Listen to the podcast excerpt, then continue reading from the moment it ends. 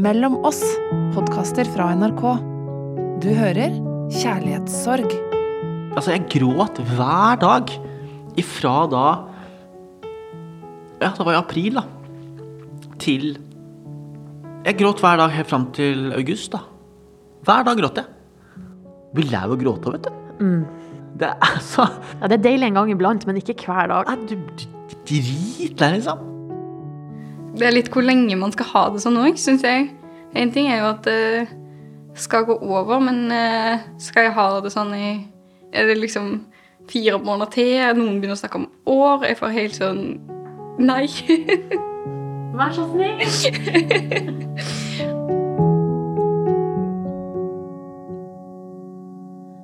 Jeg heter Silje Nordnes, og i denne serien møter vi mennesker som har kjærlighetssorg.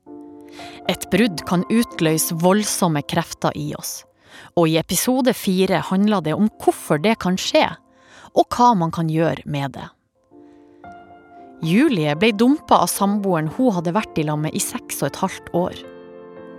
Først fikk hun et sjokk. Hun fikk vondt i brøstet og mista appetitten.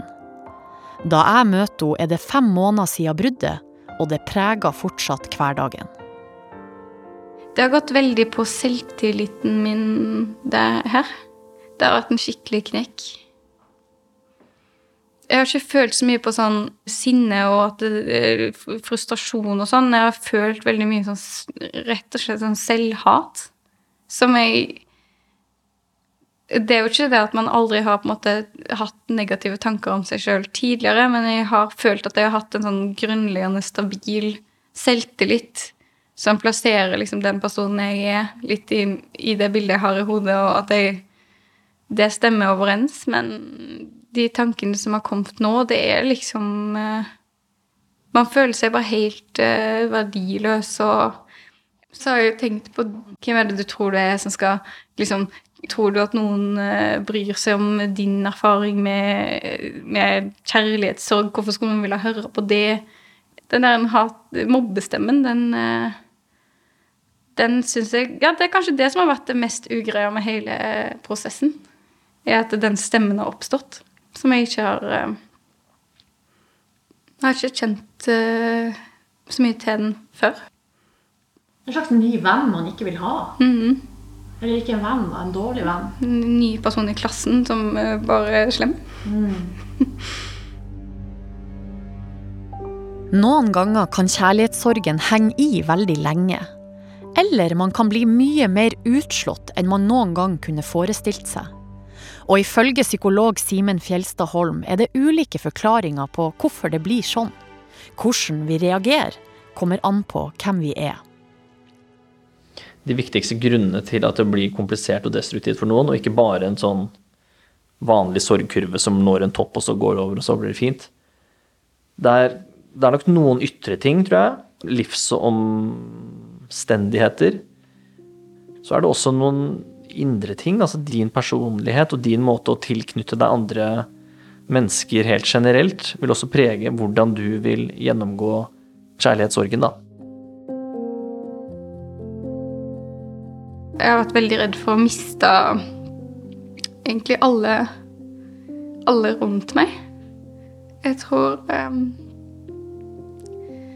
Jeg tenkte jo litt over det sånn at det, han ehm, som jeg var sammen med, da, at han hans, hans dømmekraft og hans person er jo noen som jeg stoler veldig på. Og det gjør jeg fortsatt. Det Men så tenkte jeg at hvis han har valgt meg vekk, på, på en måte, så hvorfor skulle ikke alle alle andre som jeg kjenner, gjøre det samme? Og så, og så har jeg tenkt på de delene av um, mine bekjentskaper som faktisk uh, på et vis forsvinner, da. Som er jo familie og venner av han. Som, de forsvinner jo ikke, men de vil jo på en måte ikke være der på samme måten. Og i starten så var jeg til og med sånn at jeg, jeg tilla de sånn, eh, all slags rare meninger om, om meg, at jeg tenkte sånn Ja. De må jo være glad for å være kvitt meg, liksom. Men så har jeg jo skjønt eh, i ettertid at eh, det stemte jo ikke. De syntes jo dette var fryktelig trist. På samme måte som jeg syns det er trist, og han syns det er trist, og alle syns det er trist. Det er liksom Det er ingen som eh, kommer sånn jublende ut av det, på en måte. Men jeg har slitt veldig med de eh, Med å bygge opp den selvtilliten, og den er fortsatt ganske ganske nedbrutt, så jeg prøver å liksom legge til rette for at jeg gjør ting der jeg kan føle mestring, da. For jeg tenker at det Det masse, det er noen folk som, eh, som er rundt meg, som kan fortelle meg at de syns jeg er ok, eller er en fin person. Men det er noe med å faktisk tro på de, da. Å føle seg liten, svak og uten selvtillit etter bruddet, som Julie beskriver, er ondt å høre om. Men ifølge psykologspesialist Anniken Martines Aasen er det ikke så rart å tenke sånn. Når vi får en kjæreste, så sier jo en kjæreste også noe om oss. Det signaliserer jo til omverdenen hvem man selv er, på et sett, tenker jeg. Sånn at å miste en kjæreste vil jo da Eller kan innebære en slags sånn identitetskrise, for hvem er jeg uten han eller henne? Og jeg tror vi kan av og til undervurderer hva, symbolverdien i en kjæreste. Hva, hvem var dette? Kanskje var det en person som man syntes var veldig spesiell eller veldig kul, eller hadde en symbolsk verdi i seg selv, ikke sant, i form av hvem man var, med nettverk, med jobb. De verdiene som vi legger i partneren, de opplever vi gjerne at sier også noe om oss selv. For gjennom andre så speiler vi oss selv. Så en partner vil jo være en sterk bekreftelse på ens egenverdi på ett sett. Så det å miste en partner um, vil jo være potensielt en, et mulig tap for en, et eget bilde, da. Mm. Og kan raskt føre til tanker om at ja, jeg vil aldri få noe like bra igjen, eller han eller hun var jo så var, var betydningsfull, da. Som også har verdi for oss. Jeg googlet, det, var det første jeg gjorde, var sånn å google hvor lenge kjærlighetssorg varer. Og det får du jo ikke noe svar på når du googler, på en måte. Det er bare Det er jo forskjellig, selvfølgelig. Fra person til person. Å google, det har jeg også gjort når jeg har hatt kjærlighetssorg. Og sjøl om man ikke får noe svar på akkurat hvor mange dager, måneder eller år det skal ta, så kommer man ofte borti en teori som handler om sorgens fem faser. Fornektelse, sinne, forhandling, sorg og aksept. Det er jo veldig deilig å få noe enkelt og skjematisk å forholde seg til. Du opplever noe tøft. Her er det du skal gjennom, og etterpå er du ferdig. Det er en, en, kjent måte å tenke på, men det er også en måte å tenke på som vi har forlatt. Pål Christensen er psykologspesialist og har jobba med temaet sorg og sorgreaksjoner i over 20 år. Og det er en grunn til at sorgforskerne ikke bruker teorien om de fem fasene lenger. Ja, Den gir på en måte en, en slags oppskrift eller beskrivelse av hva som er riktige måter å sørge på. Det er ikke en riktig måte å reagere på. Det er ikke en riktig måte å takle dette på. Men det finnes en ny måte å se på sorgen, som kom allerede på 90-tallet. Den heter tosporsmodellen. Og Paul mener at det kan være bra for de som sørger, å kjenne til denne modellen. Den beskriver sorgen som to spor man veksler imellom. I det ene er man i sorgen, snakker om den og bearbeider den. I det andre sporet tar man et steg vekk fra sorgen. Kobler av og finner på ting for å få tankene over på noe annet. Og man tar tak i alt praktisk som må gjøres i forbindelse med det som er tapt. Og klarer man den balansen, så kan det være en vei ut. Sorgen vil jo avta i intensitet, og den vil endre seg med tiden, slik at den blir ikke like sterk og like dominerende i hverdagen. Men det å balansere litt uh, hvor mye man er nær, og hvor mye man går fra. Det er sånne vekslinger som på en måte for mange vil skje naturlig, men, mens for andre så, så blir man kanskje stående mer fast i en av disse sidene. Og da kan det være nyttig å få litt, eh, litt hjelp på veien. Men jeg lurte på, sånn, Hvis man opplever at man gjør alt riktig i hermetegn, man går inn i sorgen, man går ut av sorgen, man uh, ligger ikke hjemme og bare drar seg, men går ut og gjør, gjør ting, praktiske ting, og så, og så går det ikke over. Hva skal man gjøre da? Det første jeg tenker, er at ting tar tid. Eh, er det noe vi er opptatt av i, i, i forhold til sorg, og som vi forsker mye på, så er det at ting tar lengre tid enn det man tror. Ting tar mye lengre tid enn det andre rundt tror.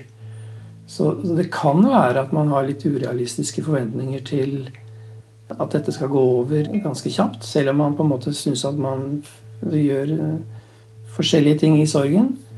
Det andre jeg tenker på, er eh, om det er andre ting som på en måte ligger og som gnager, eller som på en måte gjør ting mer komplisert enn det man kanskje får eh, øye på ved første, første øyekast. Altså at det kan være andre underliggende reaksjoner eller andre ting som på en måte man trenger noen som kan få hjelp til å se litt nærmere på.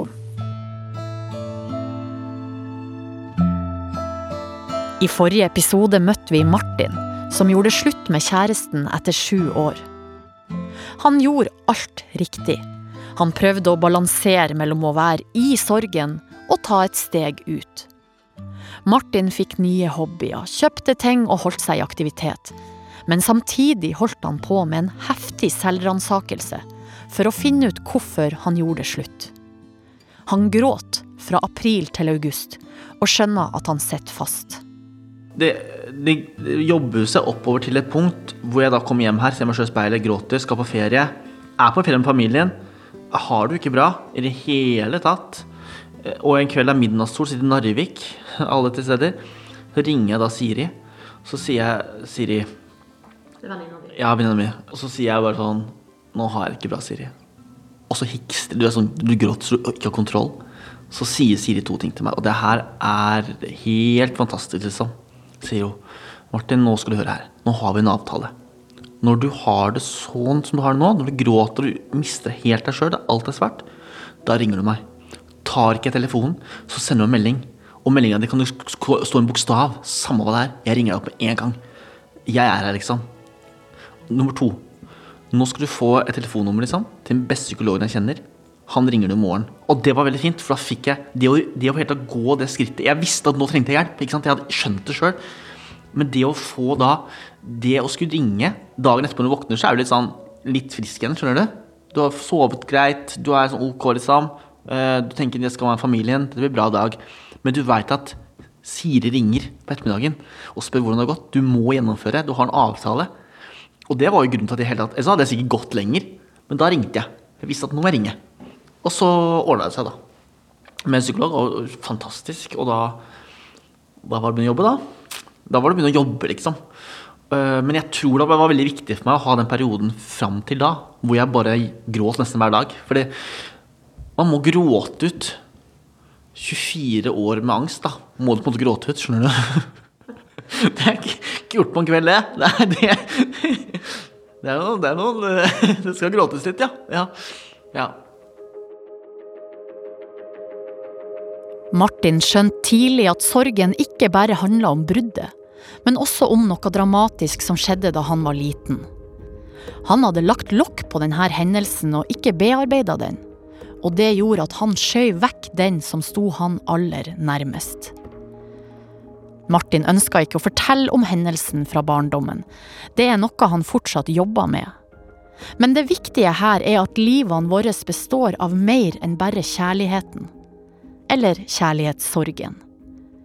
Vi er kompleks, og jo mer vi har å deale med samtidig, jo verre kan det bli. Da Martin sendte melding og spurte om jeg ville være med på hengekøyetur, så hadde livet mitt rakna. Jeg sleit med å tilpasse meg i en ny jobb hver dag. Det var global pandemi, og det hadde blitt slutt med kjæresten. Det var helt vanvittig ondt. Men jeg trodde bare at jeg hadde kjærlighetssorg. Og det hadde jeg jo kommet meg ut av før. Hvorfor ble det så vanskelig nå? Jeg kunne jo ønske at jeg hadde snakka med psykologspesialist Anniken litt før. Å forstå livet sitt i en sammenheng tror jeg alltid er viktig, for det kan gjøre situasjonen litt lettere for oss å tåle. Og så tror jeg det er lettere å være litt medfølende med seg selv hvis vi klarer å se det er ikke så rart at jeg er lei meg nå. Jeg har lagt ned så mye innsats. Jeg var så forelska. Vi har jo hatt det mye gøy. Det er ikke noe rart at det er strevsomt for meg nå. Og det er ikke noe rart at det er ekstra strevsomt for meg nå når dette i tillegg har skjedd i en pandemi, eksempel. Så jeg tror at jo bedre vi er til å forstå sammenhengen i livet vårt, jo lettere er det kanskje å være selvmedfølende med oss selv. Og det vet vi at det er viktig for å klare å komme litt videre. Å være litt raus med oss sjøl når vi har det vanskelig, det vet vi at har betydning. På hvilken måte da? Når vi har lite selvmedfølelse, så er det veldig fort at vi går over i skammen. At vi tenker at dette burde jeg håndtert på en annen måte. Jeg burde tatt meg sammen. Jeg, er dum, jeg er svak. Og også Skam og skyld kan også føre til at vi får um, mindre håp for framtida. At vi veldig lett kan tenke at jeg er et helt ubrukelig menneske. Ingen kommer til å elske meg igjen. Jeg er jo helt håpløs. Så Derfor så er akkurat skam er ganske sånn giftig å bli sittende med alene.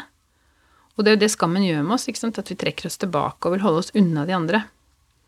Og hvis vi klarer å koble på selvmedfølelsen, så blir det av og til litt lettere å skamme seg mindre. Da kan vi si at ja, det er ikke så rart. Det er ikke så rart at det er dritt for meg nå. Det er helt ok. For Martin kom det til et punkt at han skjønte at det her kunne han ikke stå i alene. Det gjorde det for meg også. På et tidspunkt vurderte jeg å lyge på meg covid-symptomer for å slippe å gå på jobb. Jeg gjorde ikke det, men jeg skjønte at noe var alvorlig galt. Det er ikke alltid like lett å gå til det skrittet, og be om hjelp men noen ganger er det helt åpenbart at det er nødvendig. Det er klart at hvis man øh, mister uh, litt sånn kontakt med virkeligheten altså For noen så er et brudd så dramatisk at uh, man kan bli alvorlig psykisk syk. Det er jo et fåtall som opplever det sånn, men det kan også skje.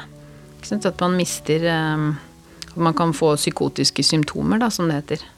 Og da er det veldig viktig å få hjelp. Sjøl om man ikke mister kontakt med virkeligheten og blir alvorlig psykisk syk, så kan det allikevel være sånn at man trenger hjelp til å komme seg videre. Da er det noen tegn du kan se etter. Hvis det over tid eh, blir vanskelig å stå opp, eller man spiser veldig, sant, veldig dårlig appetitt, eller Altså at det er mange områder samtidig som blir krevende, og at man føler at man står litt sånn fast i livet sitt, så er det lurt å ta kontakt for å få hjelp. Hvis man begynner å streve med søvn over tid, kanskje familie eller venner er bekymra, så bør man ta de signalene på alvor. Jeg tror det er veldig viktig å tenke at et brudd kan ta lang tid, men at man også bør kunne klare å fungere i livet sitt. Du kan ta kontakt med fastlegen eller helsetjenesten der du jobber eller går på skole. Men hvis det blir vanskelig, og du trenger noen å snakke med, så kan du ringe hjelpetelefonene til Mental Helse eller Kirkens SOS. De er åpne hele døgnet.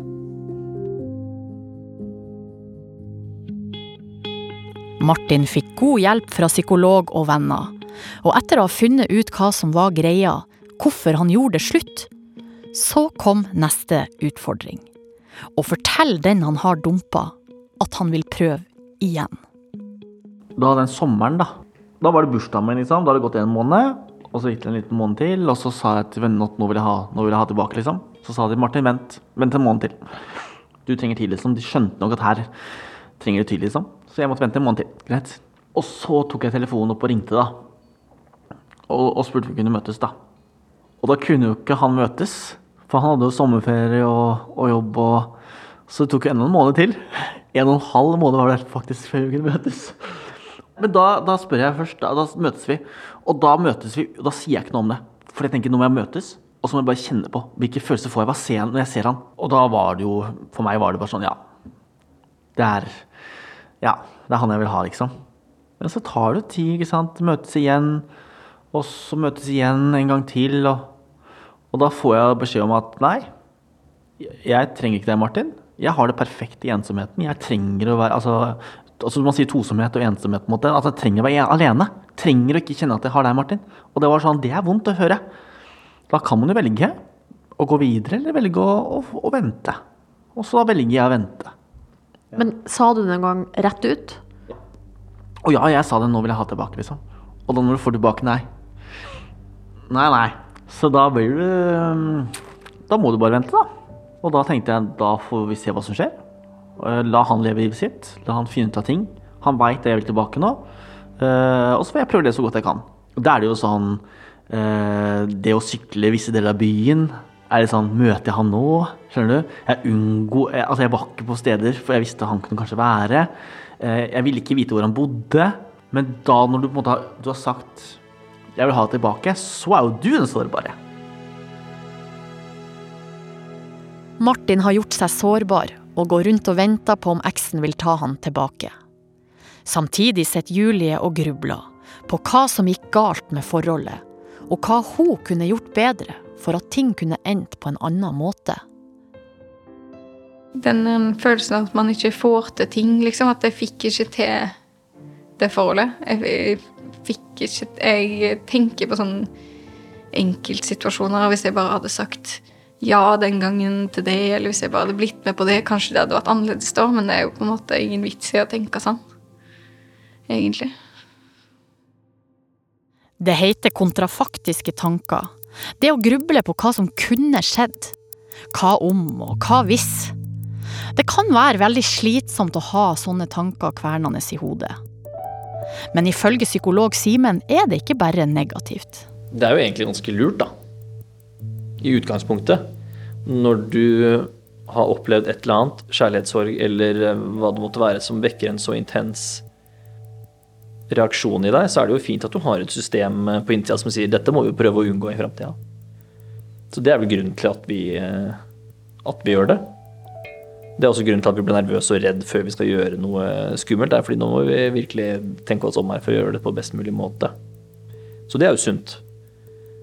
Men som det meste som ofte er sunt, så kan de også bli sykelige. Og at de ikke klarer å slippe de spørsmålene. Kanskje er også de spørsmålene umulig å svare på. Hva hadde skjedd hvis jeg hadde gjort, sagt det og det i den situasjonen, f.eks.? Det kan du aldri vite. Forlengelsen her blir vel kanskje kunne jeg redda forholdet? Kunne dette blitt noe helt annet? Det veit vi jo ikke, da. Men jeg tror vi har en sånn eh, veldig sterk drive eh, i oss til å ville finne det ut. Vi vil, vi vil eh, forstå. Selv det som er ganske uforståelig. Så grunnen til at det er der, er jo eh, relativt opplagt, men så er det forferdelig vondt da, når man ikke klarer å slippe det.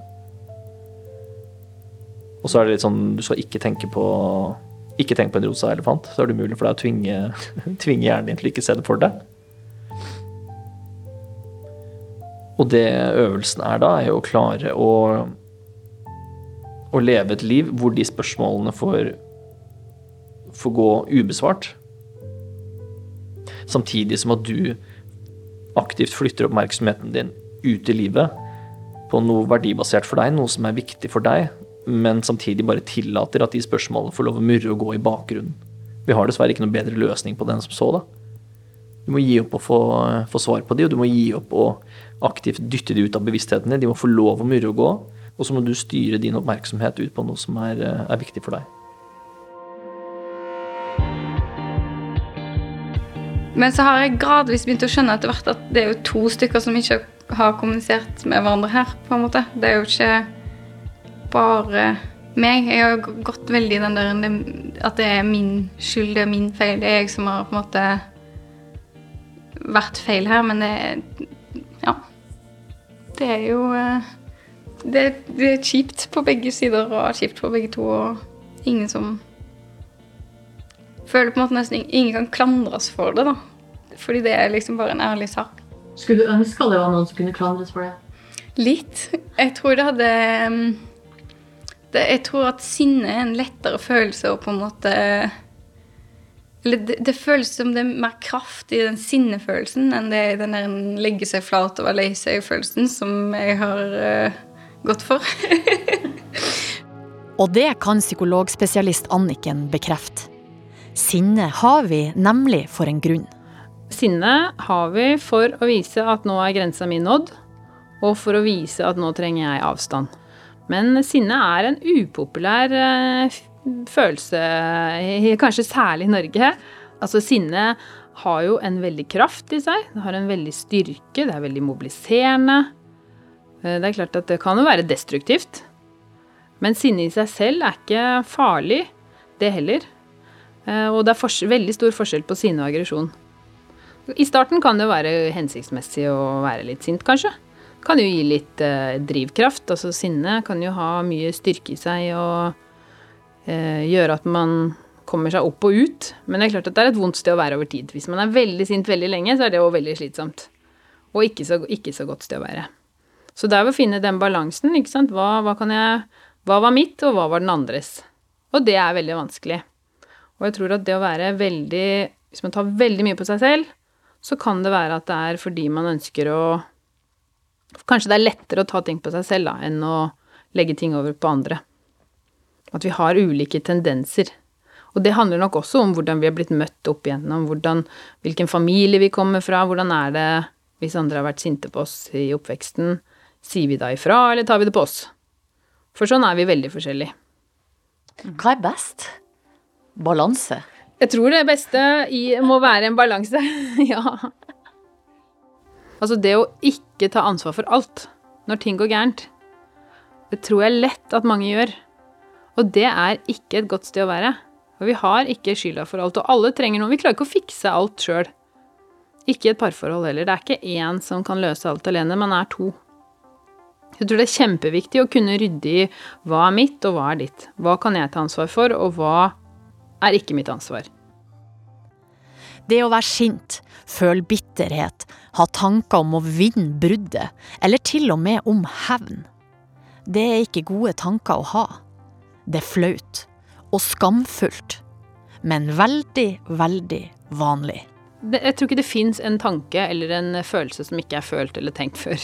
Det tror jeg vi bare kan slå fast. At hvis jeg kjenner det, så er det del av det å være menneske. Da er det garantert noen andre som har kjent på akkurat det samme. Det er tenkt før. Det er del av det å være menneske. Det er jo litt trøst i det, men altså at uh, alt har blitt tenkt og følt før. Så blir man jo ikke Så må man jo erkjenne at man ikke er så spesiell, da. Ja, ikke sant. Altså, jeg tror det kan være litt sørgelig å tenke på, ikke sant. Altså at jeg er, er ikke så unik. Men i det så ligger det også veldig mye trøst. Dette har eh, kunsten beskrevet, dette er musikken skapt av Så det også kan være en litt sånn trøst å tenke på at nå, nå, lever jeg i noe som er veldig vondt, men som veldig mange har brukt til å skape mye vakre ting. Det er jo i de sterke følelsene veldig mye kunst er lagd. Og jeg tror at selv om vi ikke føler oss unike i det, så er det jo et eller annet med å vite at Kjenne en tilhørighet i det også. Ikke sant? Dette som har rammet mitt liv, som er utrolig smertefullt for meg, det deler jeg med veldig mange andre. Ok, alle andre sier at de har følt på det eller gått gjennom det, men er det egentlig sant? Eller er, er, de, skjønner de hvor ille jeg har det nå, liksom? Jeg har det jo helt for jævlig.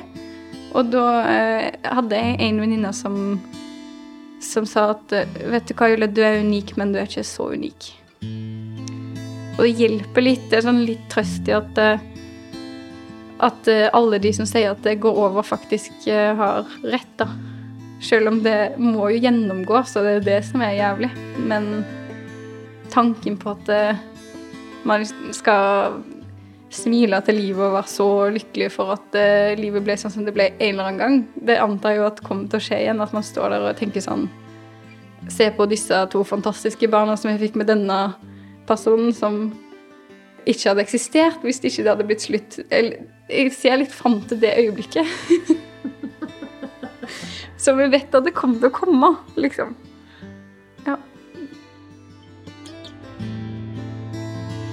Men når Når kommer det øyeblikket at livet smiler igjen?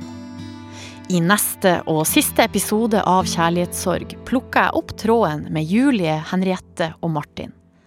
Når dager, uker og måneder har gått, hvordan har de det nå? Har du sletta de bildene på Instagram? Oh, ok, så det som skjedde her, da, det var at eh, i starten, så etter at vi Husker du vi sjekka om han hadde slettet mitt bilde? Det bestemte jeg meg for. Altså, det var lurt å sjekke igjen senere en gang. det var ikke så lurt, vet du. For da hadde jo han slettet bildet av oss. Serien Kjærlighetssorg er laga av meg, Silje Nordnes. Produsenter har vært Line Alsaker og Thomas Aune. Lyddesign av Merete Antonsen. Musikken er spesialkomponert av Einar K. Five. Redaktør er Ida Jevne. Du har hørt en podkast fra NRK. De nyeste episodene hører du først i appen NRK Radio.